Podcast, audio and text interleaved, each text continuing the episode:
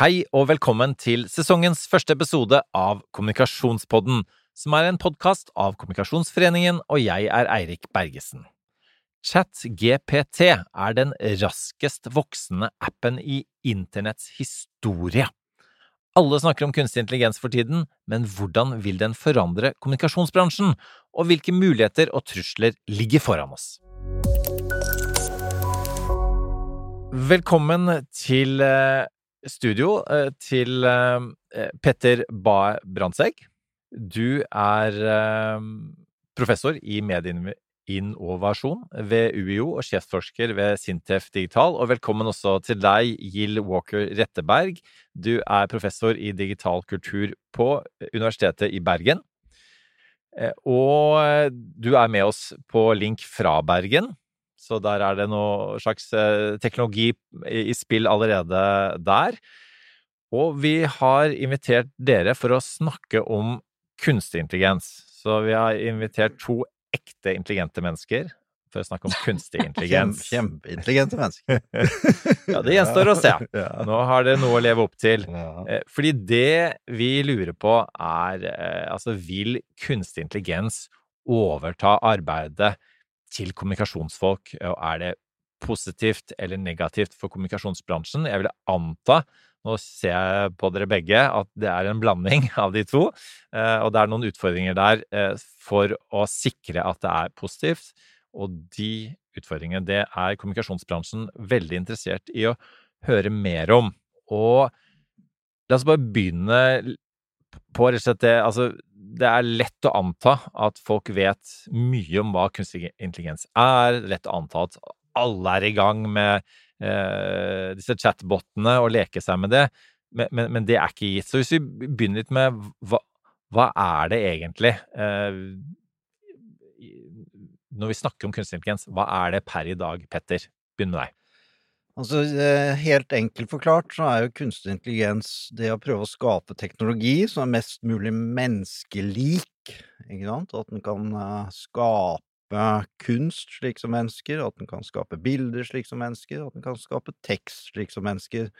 Sånn at, eh, at teknologien skal kunne ta over oppgaver som vi mennesker gjør.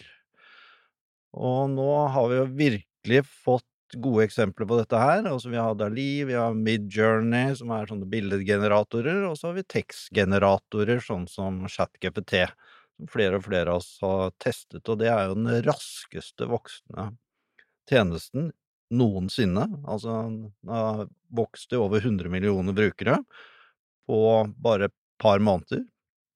Og det har aldri skjedd før i historien på internett, så det er ganske ekstremt.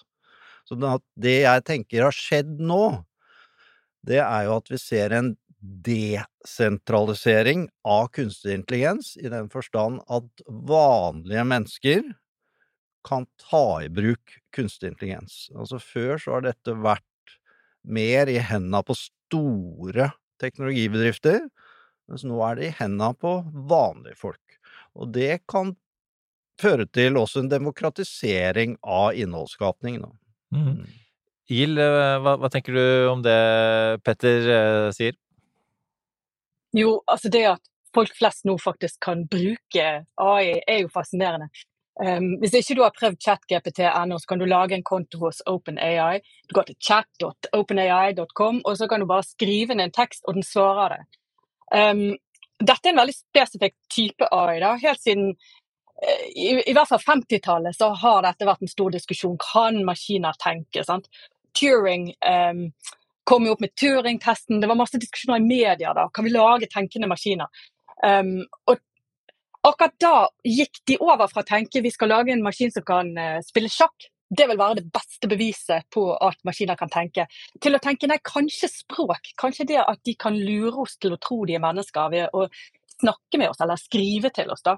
Og Det var det Turing-testen gikk ut på, som kanskje mange har hørt om. det dette du, eh, Hvis en maskin kan lure et menneske til å tro den er menneskelig, da har den liksom passert Turing-testen. da.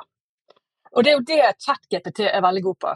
Siden 50-tallet så har man utviklet mye sånn regelbundne AI, altså prøvd å programmere en robot som vil gjøre akkurat det vi ber den om å gjøre.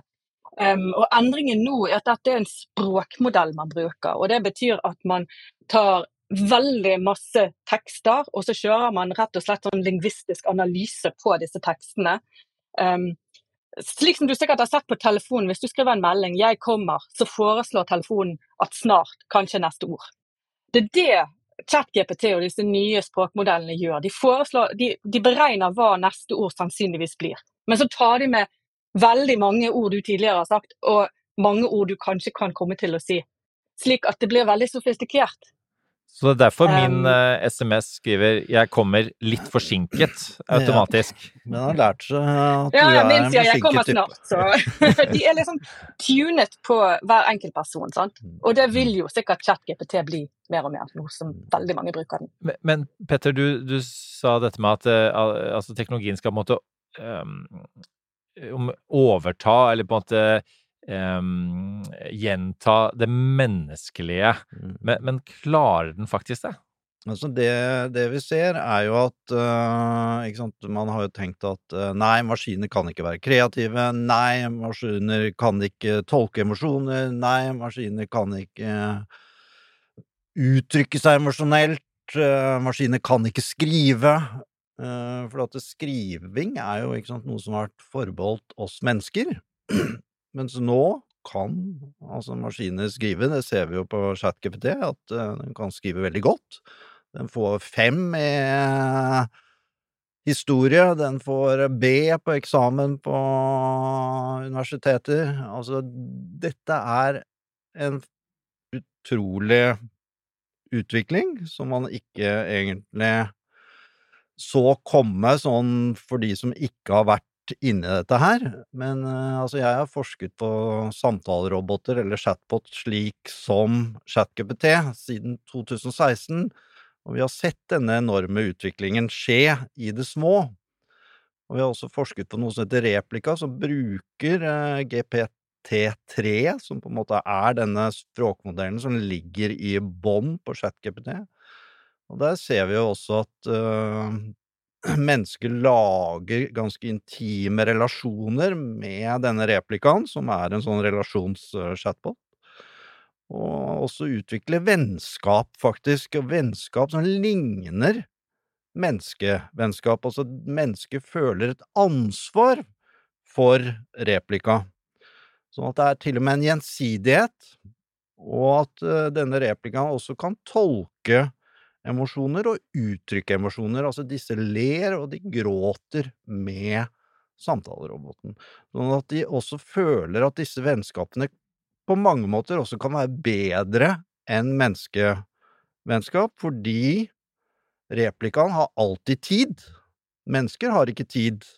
Mennesker er ofte opptatt med sitt liv, sine hverdagslige utfordringer, mens replikaen er jo der hele tiden, for deg, 24-7. Mm. Du nevnte dette med, med en, en, en, femmer og en B og så videre, men um, foreløpig så, så, sier i hvert fall enkelte um, av, av, sånne som dere, forskere, at uh, ja, men de, de, de, får ikke en A eller en, en sekser, for der trenger man på en måte den den menneskelige faktor mm. Eh, for på en måte å vise Ikke bare gjengi eh, kunnskap, um, eller til og med gjengi følelser, men, men mm. faktisk uh, anvende. Sette sammen med en personlig stemme. Uh, og, og, og Gild, det, det, det, er jo det Altså, er vi der nå? Er det, hvor Altså når eh, er vi der, og kommer til å komme dit at, at, da, eh, at eh, bottene da er, scorer bedre enn oss på, ja, i akademiske resultater? Det er jo helt umulig å si, men jeg tror ikke vi kommer der med bare den typen språkmodell vi har med ChatGPT. For den, den har vært sammenlignet med en papegøye. Den kan gjengi Den kan på en måte generere nye ting ut ifra hva den allerede har sett folk har skrevet. Eh, men den har jo ikke sunt vett. Den dikter opp fakta. Den har ikke kunnskap. Altså, det er ikke noe leksikon, dette her. Um, hvis du spør hvem, uh, hvem karakterene i Kardemommeby er, så kommer den til å dikte opp noen helt rare ting. Den vet ikke at politimester Bastian er i Kardemommeby, f.eks. Og den dikter opp. Du ber om liksom, hvem er de mest kjente norske forfatterne. Den kommer til å dikte opp rare navn. Ja, og, der er vi litt inne på, på noe av det Jeg skal stille deg et spørsmål om, om det er, eh, om det er positivt eller negativt. Eh, vi skal, komme, vi, skal, vi skal, ta en litt oppsummering på det etter hvert. Men dette er jo noe av det selvfølgelig som kommunikasjonsfolk blir kjemperedde når de hører. Altså dette med altså, mulighetene for misinformasjon, og, og enten bevisst eller, eller, eller ubevisst. Og, og, hva er det som gjør at en, at en dikter det? Er ikke det mulig å plotte inn og programmere sånn at en unngår det? Altså, De jobber jo med saken, ikke sant. Uh, de har jo planer om at de kanskje skal koble den opp mot uh, internett, så den kan hente inn informasjon. Prøve å koble disse to altså disse to hovedretningene for AI-forskning de siste 70-80 årene har jo vært um, maskinlæring med denne typen papegøye som er trent opp på tekst. Og så har du den mer regelbundne, hvor man liksom prøver å si ja, de katter er forskjellige fra hunder pga. sånn og sånn. Um, hvis man klarer å koble de, så kan det jo hende man får til dette sunne vettet. da. Men foreløpig så har vi ikke det. Og, og de bruker fagtermen 'hallusinerer'. Det syns jeg er helt fantastisk. Dette er fagtermen for dette at den dikter. Det må være veldig obs Altså, den, den, hallusinerer jo, men samtidig sant? Jeg tenker at folk er veldig opptatt av hvor feil ChatGPT eh, Hvor mye feil og tull den produserer. Men den produserer også veldig mye bra. Og den produserer mm. også veldig eksakt informasjon til tider. Sånn at det er jo viktig at du på en måte kjenner feltet ditt for å bruke den. Men det vi gjør nå, er for eksempel en studie eh, Ung.no har sikkert veldig mange av dere hørt om. Det er kanskje den mest brukte nettsiden, informasjonssiden, for unge mennesker. Eh, de spør om alt fra lover og regler til eh, psykisk helse. Og det vi gjør da, det er jo å teste sant, hvordan svarer ChatGPT sammenlignet med eksperter. Fordi ekspertsvarene de ligger jo der ute ennå.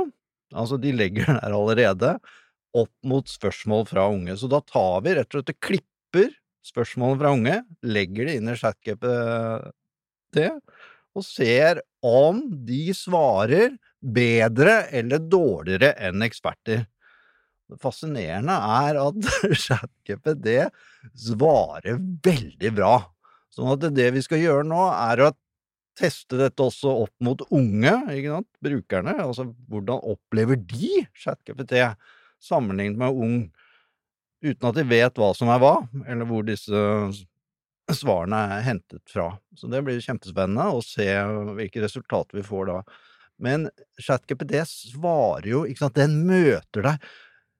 Det er leit å høre at moren din er sinna på deg. Ikke sant? Den går deg i møte mm. på en veldig innlevende måte, og det er fascinerende, syns jeg, hvor god den er også. Man skal ikke glemme hvor god den er.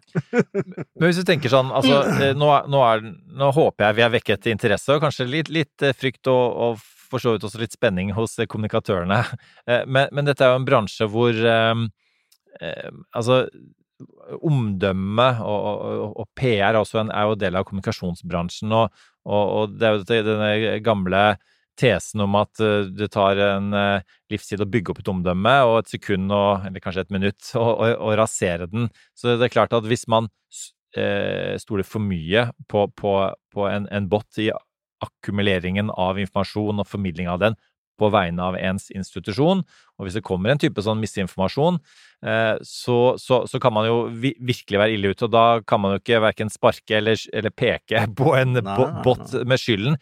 Så hvordan eh, Hvilke råd vil dere da gi til de da som tenker at ok, dette, dette, er, dette er åpenbart et nyttig verktøy i, i, i å samle informasjon, også familieinformasjon, men så må vi bare passe på eh, at, at, vi, at, vi, kvalitetssikrer den. Altså hva eh, Hvis du da eh, på et fagfelt da eh, ja, skal formidle datagenerert kunnskap, hva er det viktig å huske på da? Um, hvordan du legger dette, hvordan du legger opp det, hva type kunnskap du hva du vil ha ut av den. Altså for eksempel, så kan ChatGPT være helt glimrende hvis du har en tabell med resultater og du trenger en rask oppsummering. Eller du har kanskje et intervju, um, så kan du, klist, du kan lime inn uh, en transkripsjon av en intervju og be den samme, altså lage et sammendrag, f.eks. Den type ting er den veldig god til. Eller hvis du skriver noe på engelsk og er litt ustø på språket, så, eller på nynorsk for den saks skyld for min del, um, så kan den foreslå um, korreksjoner. Altså, av et, den, den, fant på noen ord på nynorsk også, men i hovedsak var nynorsken til ChatGPT mye bedre enn min egen. Ja. Altså, jeg tenker at den type, altså Bruke det enten til å liksom forbedre eget uh, språk, til å lage forkortelser. Jeg har prøvd å gjøre ting som å lime inn en vitenskapelig artikkel og be den om å lage en, en kort, populær vitenskapelig formidling. Eller en, en mate inn en CV og be den lage bio. Altså Den type ting er den god til. Men da, da starter jo du med et tekstmateriale som du, du kjenner, som du har noe kontroll på, og så ber du den om å, gjøre, om å behandle den. Sant? Det er noe annet enn å tenke at den kan kunne svare på hva som helst på en fornuftig og fakta eller korrekt måte. Eh, eh, Petter, bare eh, spol tilbake til da, jeg satt og skulle kommunisere på vegne av en institusjon, UD, så, og ofte i, i krisesituasjoner. ikke sant? Så det, det til, eh, ligger jo til krisen at man ikke klarer å fylle det behovet som er, for f.eks. Å, å kommunisere rundt det. Så ja, la oss si eh, tsunamien. Da satt jeg i sekretariatet til utenriksministeren og, og, pratet i to telefoner dagen lang og i masse mikrofoner. Så da kunne man jo mm, tenkt at, mm. at man hadde en sånn type sånn um, chat-funksjon som kunne fortelle uh, offentligheten um, og, og pårørende osv. hva er situasjonen. Uh, og du nevner dette med, med at uh, altså det, det, den følelsesmessige dimensjonen som kunne være sånn Det er leit å høre at mm, dine pårørende er savnet her er det du kan gjøre videre. Mm, mm. Og noen ganger er jo kommunikasjonsfolk dessverre ikke selv ikke flinke på den, nei, på den nei, nei, følelsesmessige biten.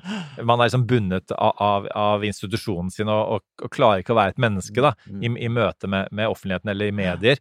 Så, så, hva ville du Altså, er det noen Kan man se for seg at, eh, Petter, at man om kort tid en, en institusjon som har en del kontakt med offentligheten, nærmest kan eller programmere seg til da, at, at mas maskiner eh, tar seg av mye av den kommunikasjonen? Ja, det tror jeg. Mm. Eh, og så tenker jeg at eh, vi må se på dette her som en eh, Altså, vi må se på ChatGPT som en slags trakt.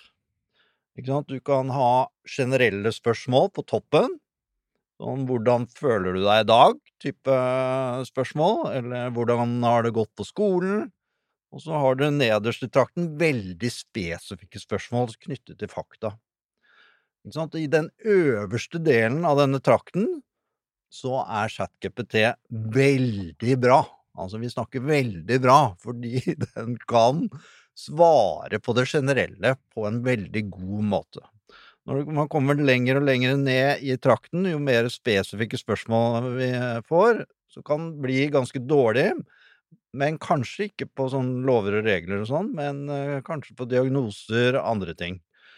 Um, sånn at vi må hele tiden selvfølgelig være veldig kritisk til hva vi får ut. Og derfor har det vært en sånn debatt nå mellom Science, uh, som er et kjempeviktig tidsskrift innen vitenskapen, og Lancet.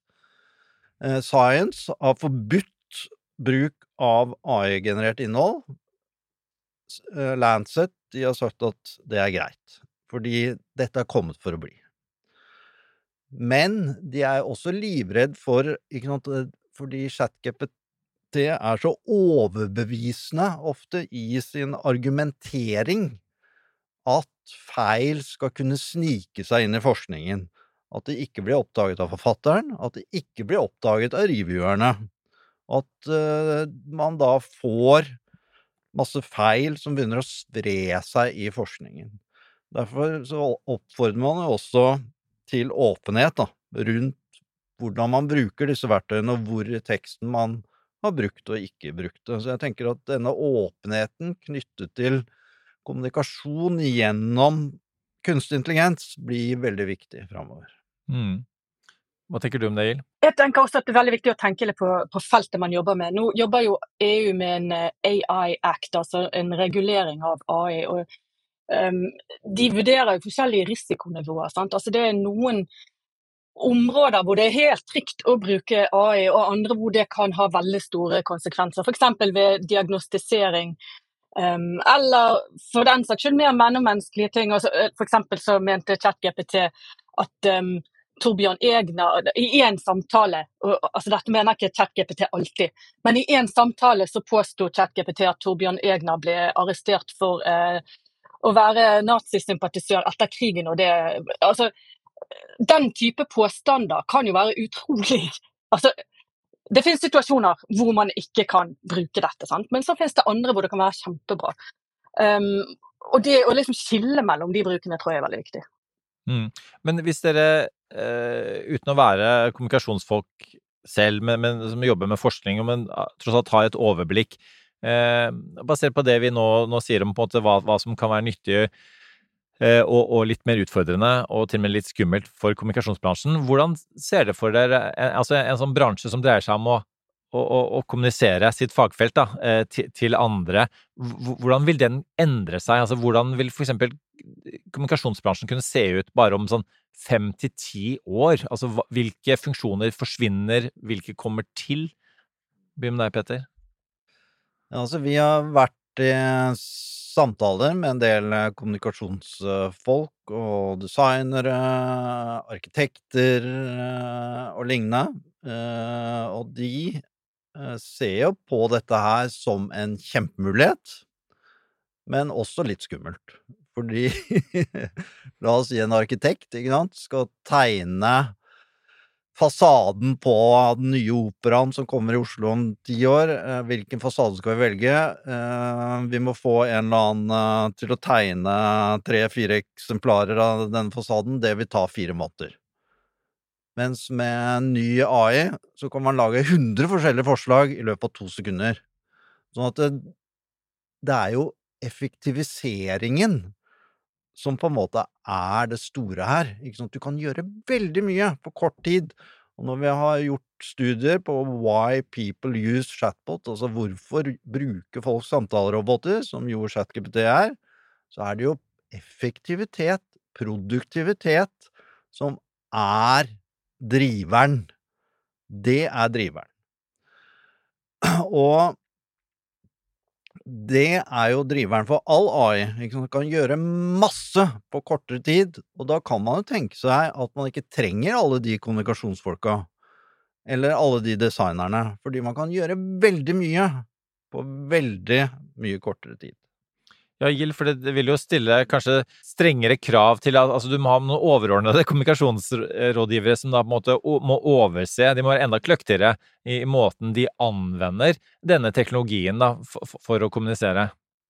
Ja, jeg vet ikke om vi, vi trenger færre kommunikasjonsarbeidere, men jeg tror at denne typen teknologi kan gjøre kommunikasjonsfolk bedre. Fordi som Petter sa, den kan generere 100 forslag til en skikkelig god tittel og ingress til teksten du nettopp har skrevet.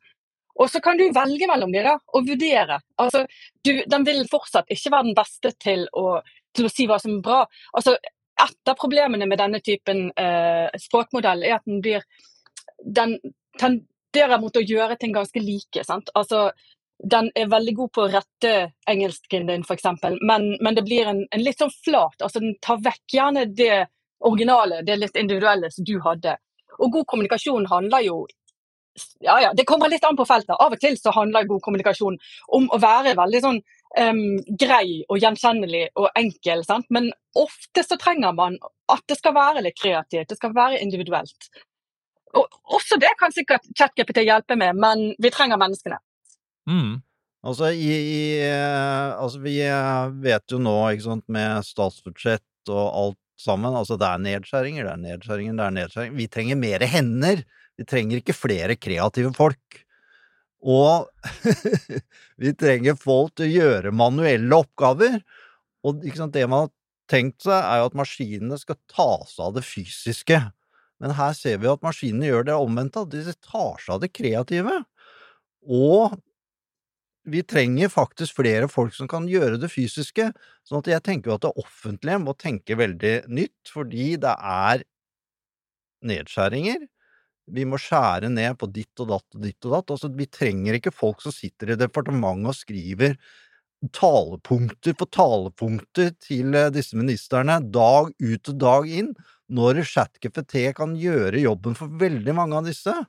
Sånn at jeg tenker jo at eh, her eh, Altså, dette vil jo presse seg frem. Det er ikke sånn at vi trenger flere kommunikasjonsfolk. Men, men blir det færre? Det tror jeg. Mm.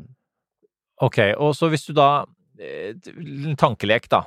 Om ti år så, så er det en person, en ekte person, som er i et jobbintervju i, et, i en bedrift, en institusjon, en organisasjon. Og så skal den nærmest konkurrere med en, en, en maskin. Og så, så arbeidsgiveren skal, skal, vi faktisk bruke penger på å ansette en person, eller skal vi bare stole på den maskinen? Um, hvordan vil dere, hvis dere skulle vært det mennesket og sagt at ok, hør på meg, hør på dette, liksom, dette er forskjellen som jeg kan gi versus, versus maskinen, og kanskje til og med om ti år, når maskinen har blitt enda smartere, eh, som fortsatt vil vare ved. Gild, hva tror du vil være, hva vil være selling point til, til mennesker i en sånn uh, sammenheng? Du nevnte dette med kreativitet i stad. Vet du hva? Kreativitet er viktig, dømmekraft, rasjonalitet, men jeg tror faktisk eh, altså, det at jeg har en kropp og en stemme og er i stand til å, å kommunisere, altså kanskje det muntlige og tilstedeværelsen, blir det vi virkelig setter pris på hos mennesker.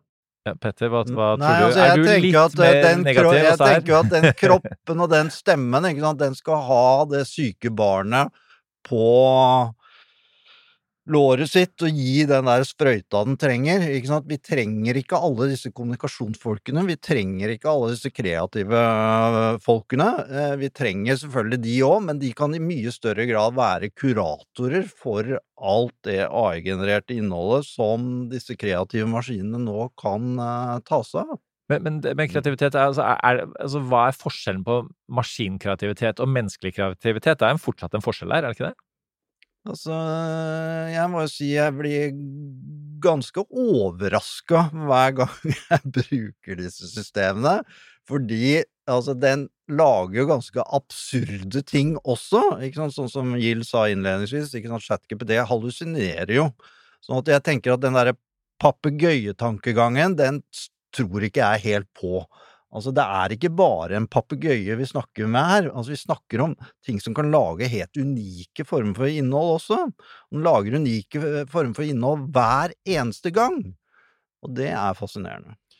Ja, og her er litt, litt uenighet, uh, Gild. Jeg, jeg, jeg, For å gå litt sånn inn i det som jeg selv da, føler, som ikke er fagperson på dette, er nærmest litt dystopisk. Uh, jeg hørte en annen podkast, en amerikansk podkast fra NPR, om, om en som mistet uh, kona si uh, i sykdom i, ikke altfor uh, gammel alder, og, og, og, programmerte en bot som, som, han kunne rett og slett snakke med dag ut og dag inn, og, og, det var hennes stemme, og det var på en måte all verdens preferanser, og, han sier da i denne podkasten at han ikke han ikke mener at det erstatter henne på noen måte, men det, og, men det be, hjalp han å bearbeide følelsene sine. Eh, men, men nå, nå, snakker vi veldig Nå er det sånn veldig sånn der gjengivelse av det menneskelige faktor her. Eh, hva, hva, altså, på hvilken måte er, er, dette rett og slett mindre skummelt enn det høres ut som, uh, Gild? Mm, altså vi mennesker har jo alltid brukt f.eks. dagbøker, brev Altså det å skrive 'kjære dagbok', jeg har Altså det der å samtale, enten det er med deg sjøl i en dagbok eller med andre mennesker, det er jo en måte vi bearbeider mennesker på. Eller eh, bearbeider, bearbeider våre følelser på. ikke sant? Så det er veldig dypt menneskelig, det der. Um, men jeg er nok litt uenig med Ben Petter at, uh, at vi klarer oss med bare maskinens kreativitet. For jeg tror ikke den kommer frem uten mennesker Jeg sier ikke det, Gild. Jeg sier ikke at vi bare klarer oss med maskinkreativitet. Jeg sier at maskinkreativitet kan ligge i bånden som et utrolig viktig verktøy, og så kan det sitte folk på toppen som kan kuratere og være kreative, men vi trenger ikke så veldig mange kreative folk som vi har i dag. Det er altfor mange av de. De skal jobbe på sykehus, de. Det er der vi trenger folk. ja, du skal få svare, Gild. Dette er jo en, eh, er jo en debatt, tross alt. Det er jo helt opplagt at vi trenger flere folk på sykehus osv. Det er helt sant. Um, men jeg, jeg, tenker også at uh, det er ikke bare å kurere, kuratere denne AI-en. Man skal også, altså Det å skrive prompter, sant? altså det å kunne snakke med den på en måte som den responderer godt på, har jo også blitt noe folk faktisk selger på internett. altså den, De ferdighetene der. Så det blir jo spennende å se da, Petter. Det blir spennende å se. Ja, og, og, og altså, kommunikasjonsbransjen vil jo da si, si da tilbake for så vidt til dere begge at, uh, at det, det, er ikke sånn at man kun Altså, um, den, jeg er vel kanskje inne på kurateringsbiten her, da, mm. men at, at, en daglig leder bare kan uh, bruke en, en, bot til å kommunisere, fordi dagliglederen vet ikke hvilke ferdigheter kommunikatøren har i utgangspunktet, så de vet mm. ikke hvordan de skal kuratere en, en sånn maskin. Jeg ser du nikker på, på, TV-skjermen din fra, fra Bergen, Gild. Ja, jeg tror jo også vi kommer til å bli veldig var for den der du, du, vet når du ringer og så får du automatisert telefontre eller noe sånt. Altså jo, man blir jo helt gal av dette her. Jeg tror vi kommer til å bli veldig var på den sånn homogene stemmen til AI-en. Um, ehm, og det kommer til å være veldig mange situasjoner hvor vi trenger noe mer menneskelig. Um, for vi er jo tross alt mennesker. Nå er det mange som tenker at uh, skal jeg bruke det, skal jeg ikke bruke det, som ikke egentlig er klar over hvor mye kunstig intelligens allerede er i bruk, uh, Peter, i, i, i, det daglige. Mm. Og, for, for, vi har jo kommet veldig, veldig langt, og mange som sier at de, dette skal jeg ikke ta i bruk, bruker det i realiteten allerede. Ja, ja, altså kunstig intelligens er jo på en måte overalt, i, mer eller mindre. Men, men det nye nå er jo på en måte at vi selv kan generere innhold ved hjelp av kunstig intelligens. Det har vært mulig en periode, men bare for de få. Mens nå kan alle ta i bruk kunstig intelligente verktøy til å produsere innhold, enten det er bilder, tekst eller hva det nå skal være. Og så er det jo dette med åpenhet rundt dette her. Eh, det som er veldig vanskelig når man bruker for eksempel ChatGPT, da, som jo er en enorm språkmodell, bruker millioner eh, av eh, parametere. Eh, det er helt umulig på en måte å vite hvor denne kunnskapen er tatt fra, og om den er sann eller usann, hallusinerer den, eller hva. Altså det, det Jeg tenker at eh, Nå sier Google da at de skal komme med en sånn uh, chatbot som er mye mer transparent i forhold til hvor den henter informasjon fra og ikke. Eh, så det er jo også interessant at det blir et sånt race der, da. Men, eh, men, eh, dette med kildehenvisninger og sånn, det, det er noe ChatGPT uh, i hvert fall sliter litt med. Men så fins det også verktøy etter hvert innenfor forskningen som bruker noe av det samme type tankegangen innenfor generativ AI, som faktisk refererer til kilder. Eh, noe som heter Ellicit, for eksempel. Men eh, dette med åpenhet rundt bruk av disse verktøyene, det tror jeg blir helt sentralt fremover. Så blir det også vanskelig fordi vi blir så avhengige av denne AI-en også. Det er jo også litt skummelt. Eh, men vi kommer jo til å få et mye tettere samarbeid mellom menneske og maskin fremover. Det er ikke noe å lure på i alt vi egentlig foretar oss, og alt vi produserer av innhold, kommer til å bli en tett integrert samarbeid mellom AI og menneske, og da blir det kanskje vanskelig å skille hva er det som er menneskelag der, hva er det som er AI-lag der. Altså det, det skillet der blir vanskeligere og vanskeligere. Og det skillet vil jo være noe som eh, omverdenen eh, vil være interessert i. Eh, Gild, og hva, hva, tenker du, hvordan, hvilke råd vil du gi til, til, kommunikatører der som for å skille overfor resten av verden uh, hva det er som er uh, datagenerert, uh, og, og, hva er det som er si, menneskegenerert? Altså, Vi har jo nå fått lovverk om at man skal merke reklame som viser manipulerte bilder, f.eks. Så det er jo ikke utenkelig at man får noe tilsvarende. ikke sant? For AI-genererte tekster. Samtidig, så, som Petter sa, så er jo det i bruk overalt. Microsoft er en stor medeier i OpenAI f.eks. Du kan banne på at disse verktøyene vil være i Microsoft Word. De kommer til å foreslå kanskje du skal bruke en litt annen vending i den setningen. Altså, vi kan jo ikke drive og merke hver, at vi har brukt autocorrect. sant? Um, men jeg tror også det vil være ganske viktig for kommunikatører å markere seg imot altså sånn disinformasjon. For det kommer til å bli veldig mye automatisk genererte bloggposter og tweets og alt mulig. Så det å liksom være tydelig på at dette her er faktisk um, godt håndverk, og ikke bare liksom skrudd på en knapp og generert noe. Det tror jeg blir viktig. Eh, jeg vet at du er, er, spesielt opptatt av dette med altså, de verdiene som også ligger i bunn eh, for algoritmene, gitt at, at, det gjerne er skapt av eh, afroamerikanske eller og, og, og noen tilfeller altså kinesiske selskaper. Um, hvordan på en måte, så blir spørsmålet på det, er, er disse tjenestene norske nok? Eh, noen føler jo at de får mer utbytte av å bruke de engelsktalende enn de norske. De norske er litt begrensede foreløpig. Hvordan skal man sikre at, at eh, teknologien en bruker da, eh, er, er, relevant nok for det norske samfunnet? Altså det vi må være klar over, er at ChatGPT i hvert fall er trent opp på stort sett amerikansk og engelskspråklig tekst fra internett. Så den har mye mer kunnskap for å si det sånn, om eh, ja, angloamerikanske fenomener enn om norske. Det er derfor den tenkte at Torbjørn Egner kanskje var nazist. Det var han ikke, for å si det sånn. Um, så vidt vi vet. Jeg måtte google det, men ja. Um, poenget er vel at eh, vi, det er litt vanskelig å si hva disse verdiene er, og, og, hvor det kommer inn. Eh, og deler av det er litt sånn sjangeraktige. altså den snakker om at det, og det var leit å høre. Det blir jo kanskje litt som den amerikanske kundebehandlingen på 80-90-tallet snakket vi om at man smilte sånn i kundebehandling i USA, sant? i motsetning til i Norge på det tidspunktet.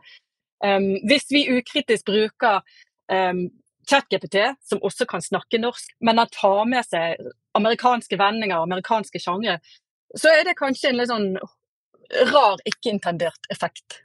Vil vi det? Du nevnte dette med, med Egner, at du hadde, hadde, hadde, googlet det, som jo er vel også en, en, en, en AI. Altså, du, du, burde vel strengt tatt gått på mm. Nasjonalbiblioteket eller noe sånt og dykka ned i noen uh, tunge, støvete bøker for å finne, finne svaret. Altså, uh, igjen, da, liksom for, eh, Problemet med å akkumulere så mye AI er at vi tenker ikke over at det var AI i bunn.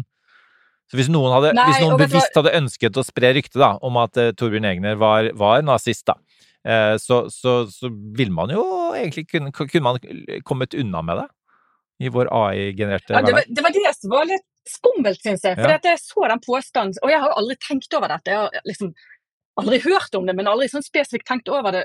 Og når jeg så at ChatGPT påsto at Egner var nazist, så, så, kjente jeg et øyeblikk sånn ja, men Er det bare meg som ikke har fulgt med? Var han det? Jeg måtte google det. Og det sier jo litt om hvor lett det på en måte er å tro på ting man ser på nettet. Ja, og du er jo professor, eh, så det er jo, hva sier seg selv at du ikke går til kildene. Men, men, det er ikke alle andre som gjør det. Ja, nei, altså, nå er vel ikke Gild professor i Torbjørn Egner men, men, men, men, jeg tenker jo en som har lest Torbjørn Egner, vil jo og kjenner til Torbjørn Egner. sånn at det er viktig å ha domenekunnskap inn i det man jobber med. Det er Et velordnet samfunn uh, Torbjørn Egner eh, skisserer, da. ja. Så det er, ikke, man, nei, da, det, er, jo noen sånne derre Ja, nei, jeg vet ikke Jeg vet veldig, veldig lite om Torbjørn Egner, men det, sant, det, man er redd for, er jo som eh, Gild sier, ikke sant, de verdiene og de normene. For dette blir jo selvfølgelig et viktig verktøy, men sant, all teknologi har jo vært styrt av noen verdier og normer, enten det er Google eller Facebook eller eh, Helsedepartementet, for den saks skyld. Altså, der jobber det bare gifte folk som bor på vestkanten, ikke sant. De skal styre Helse-Norge, men de har ikke rusproblemer, de ligger ikke ute på gata, ikke sant. Det er noe med at vi hele tiden har noen verdier som styrer oss. Og eh, jeg tenker jo også sant, Denne chat-GPT er jo lært opp blant annet av sosiale medier, ting som står der, eh, blogger, nettaviser, eh, Wikipedia og lignende. Vi vet at på Wikipedia så er det flest eh, hvite menn i en viss alder som har skrevet innholdet. Eh, men så tenker jeg at ok, dette er jo også en mulighet kanskje for demokratisering, da, ikke sant, at flere kvinner kanskje nå kan skrive Wikipedia-artikler, for nå blir det lettere å skrive Wikipedia-artikler gjennom AI. Så kanskje dette vil også føre til en utjevning. Hvem vet? Jeg har lest at uh, innholdet på Wikipedia altså at, at, Nederland, nederlandske brukere, har generert like mye som hele Afrika til sammen. Mm. Jeg er ikke professor, så jeg har ikke googla det videre. Mm. så, jeg, så vi, det, det, må brukerne gjøre sjøl. Uh, som, som, alle som chatboter så, så, så, får komme med lite eh, varselsignal, i hvert fall på den ene opplysningen her, da. Uh, men som dere sikkert forstår, så leter jeg etter stadig nye sånn eh, muligheter for at kommunikatører ikke mister jobben, eh, og, og, nye muligheter for de eh, å, kanskje fornye jobbene sine. Og, og, da er vi inne på noe her, Peter, dette med, med verdi, altså verdibærer, da. Altså hvis, hvis eh, kommunikatørene er verdibærerne jobb, på arbeidsplassene sine og nærmest på, på vegne av, av, av Norge, Eh, så, så, ligger det jo en, en, arbeid, en, en, jobb bare, ikke bare i å kvalitetssikre eh, AI-en, men også på en måte i algoritmene, da. Eh, sørge for at det er basert på de verdiene som den bedriften eller den nasjonen man opererer, er tuftet. Høres det fornuftig ut, Gild? Ja, absolutt. Og ChatGPT har et de kaller det et verdilag som de har lagt over liksom den språkmodellen, da, hvor de har brukt rett og slett 40 amerikanere, det står beskrevet i paperet, til å liksom si ja, det svaret er bra, det svaret er ikke bra. Og de fikk i oppdrag å liksom følge eh, amerikansk lov og FN eh, Altså, ja. Men eh, man kan jo absolutt se for seg at man kunne fin, finstemt, som de kaller det, en AI-modell for litt andre verdier, kanskje fremmet eh, ja, kardemommeloven, eller hva man ønsket, ikke sant. Eh, vi, vi, kunne jo fortsatt den diskusjonen eh, lenge, og eh, tenkte jeg skulle avslutte litt med, med fasiten ja, for hele denne episoden. Jeg kunne ikke belemre det med helt i starten, jeg må ta det på slutten. Jeg har selvfølgelig også da snakket med en bot, eh, chat GPT, om det samme spørsmålet stilte den spørsmålet om er kunstig intelligens et positivt eller negativt verktøy for kommunikasjonsbransjen. Det kommer ganske langt svar, jeg skal ikke lese hele, men uh, hovedpunktene her er det er ingen entydig svar på om kunstig intelligens er et positivt eller negativt uh, verktøy for kommunikasjonsbransjen. Det er kanskje ikke så overraskende at det kommer, avhengig av hvordan det brukes, eh, bla, bla, bla. bla. Men så snakker man om at det automatiserer rutineoppgaver, gjør avansert analysearbeid, og kan dermed frigjøre ressurser til mer kreative og strategiske oppgaver. Det er ikke så dumt svar. Eh, og selvfølgelig at hvis det brukes uansvarlig, så kan man risikere eh, feilinformasjon, eh, og det å manipulere befolkningen kan ha negative konsekvenser for samfunnet og bransjen. Så konkluderes det med at det er viktig å bruke kunstig intelligens ansvarlig og med et sterkt fokus på etikk og integritet. Så kort, helt kort til slutt, dere begge, hva, hva syns du om det svaret, Petter? Jeg syns dette var supert, jeg. Gild? Det er jo nesten, nesten, bekymringsfullt. Vi hadde jo nesten ikke trengt å ha debatt. jeg, jeg var veldig glad for at dere tilførte både et menneskelig faktor eh, og eh, dyp teknologisk innsikt. Så tusen takk eh, til dere begge for at dere var med. Gild Walker Rettberg og Petter Bae Brandtzæg. Takk skal du ha. Tusen takk. Takk også til deg som hører på og ChatGPT, som ga oss dette svaret da vi spurte hvorfor bør folk høre på Kommunikasjonspodden? Folk bør høre på Kommunikasjonspodden fordi den gir verdifulle insekter og praktiske tips om kommunikasjon, som er en viktig ferdighet i både personlige og profesjonelle relasjoner. Podden kan hjelpe folk med å forbedre sin evne til å kommunisere effektivt, lytte aktivt, bygge bedre relasjoner og løse konflikter. Mitt navn er Erik Bergesen. I redaksjonen har jeg med meg Margrethe Sakko og Malin Sundby Revå. Podkasten er laget med støtte fra Fritt Ord. Vi høres igjen om tre uker. Du har hørt en podkast fra Kommunikasjonsforeningen. Les mer om oss på kommunikasjon.no.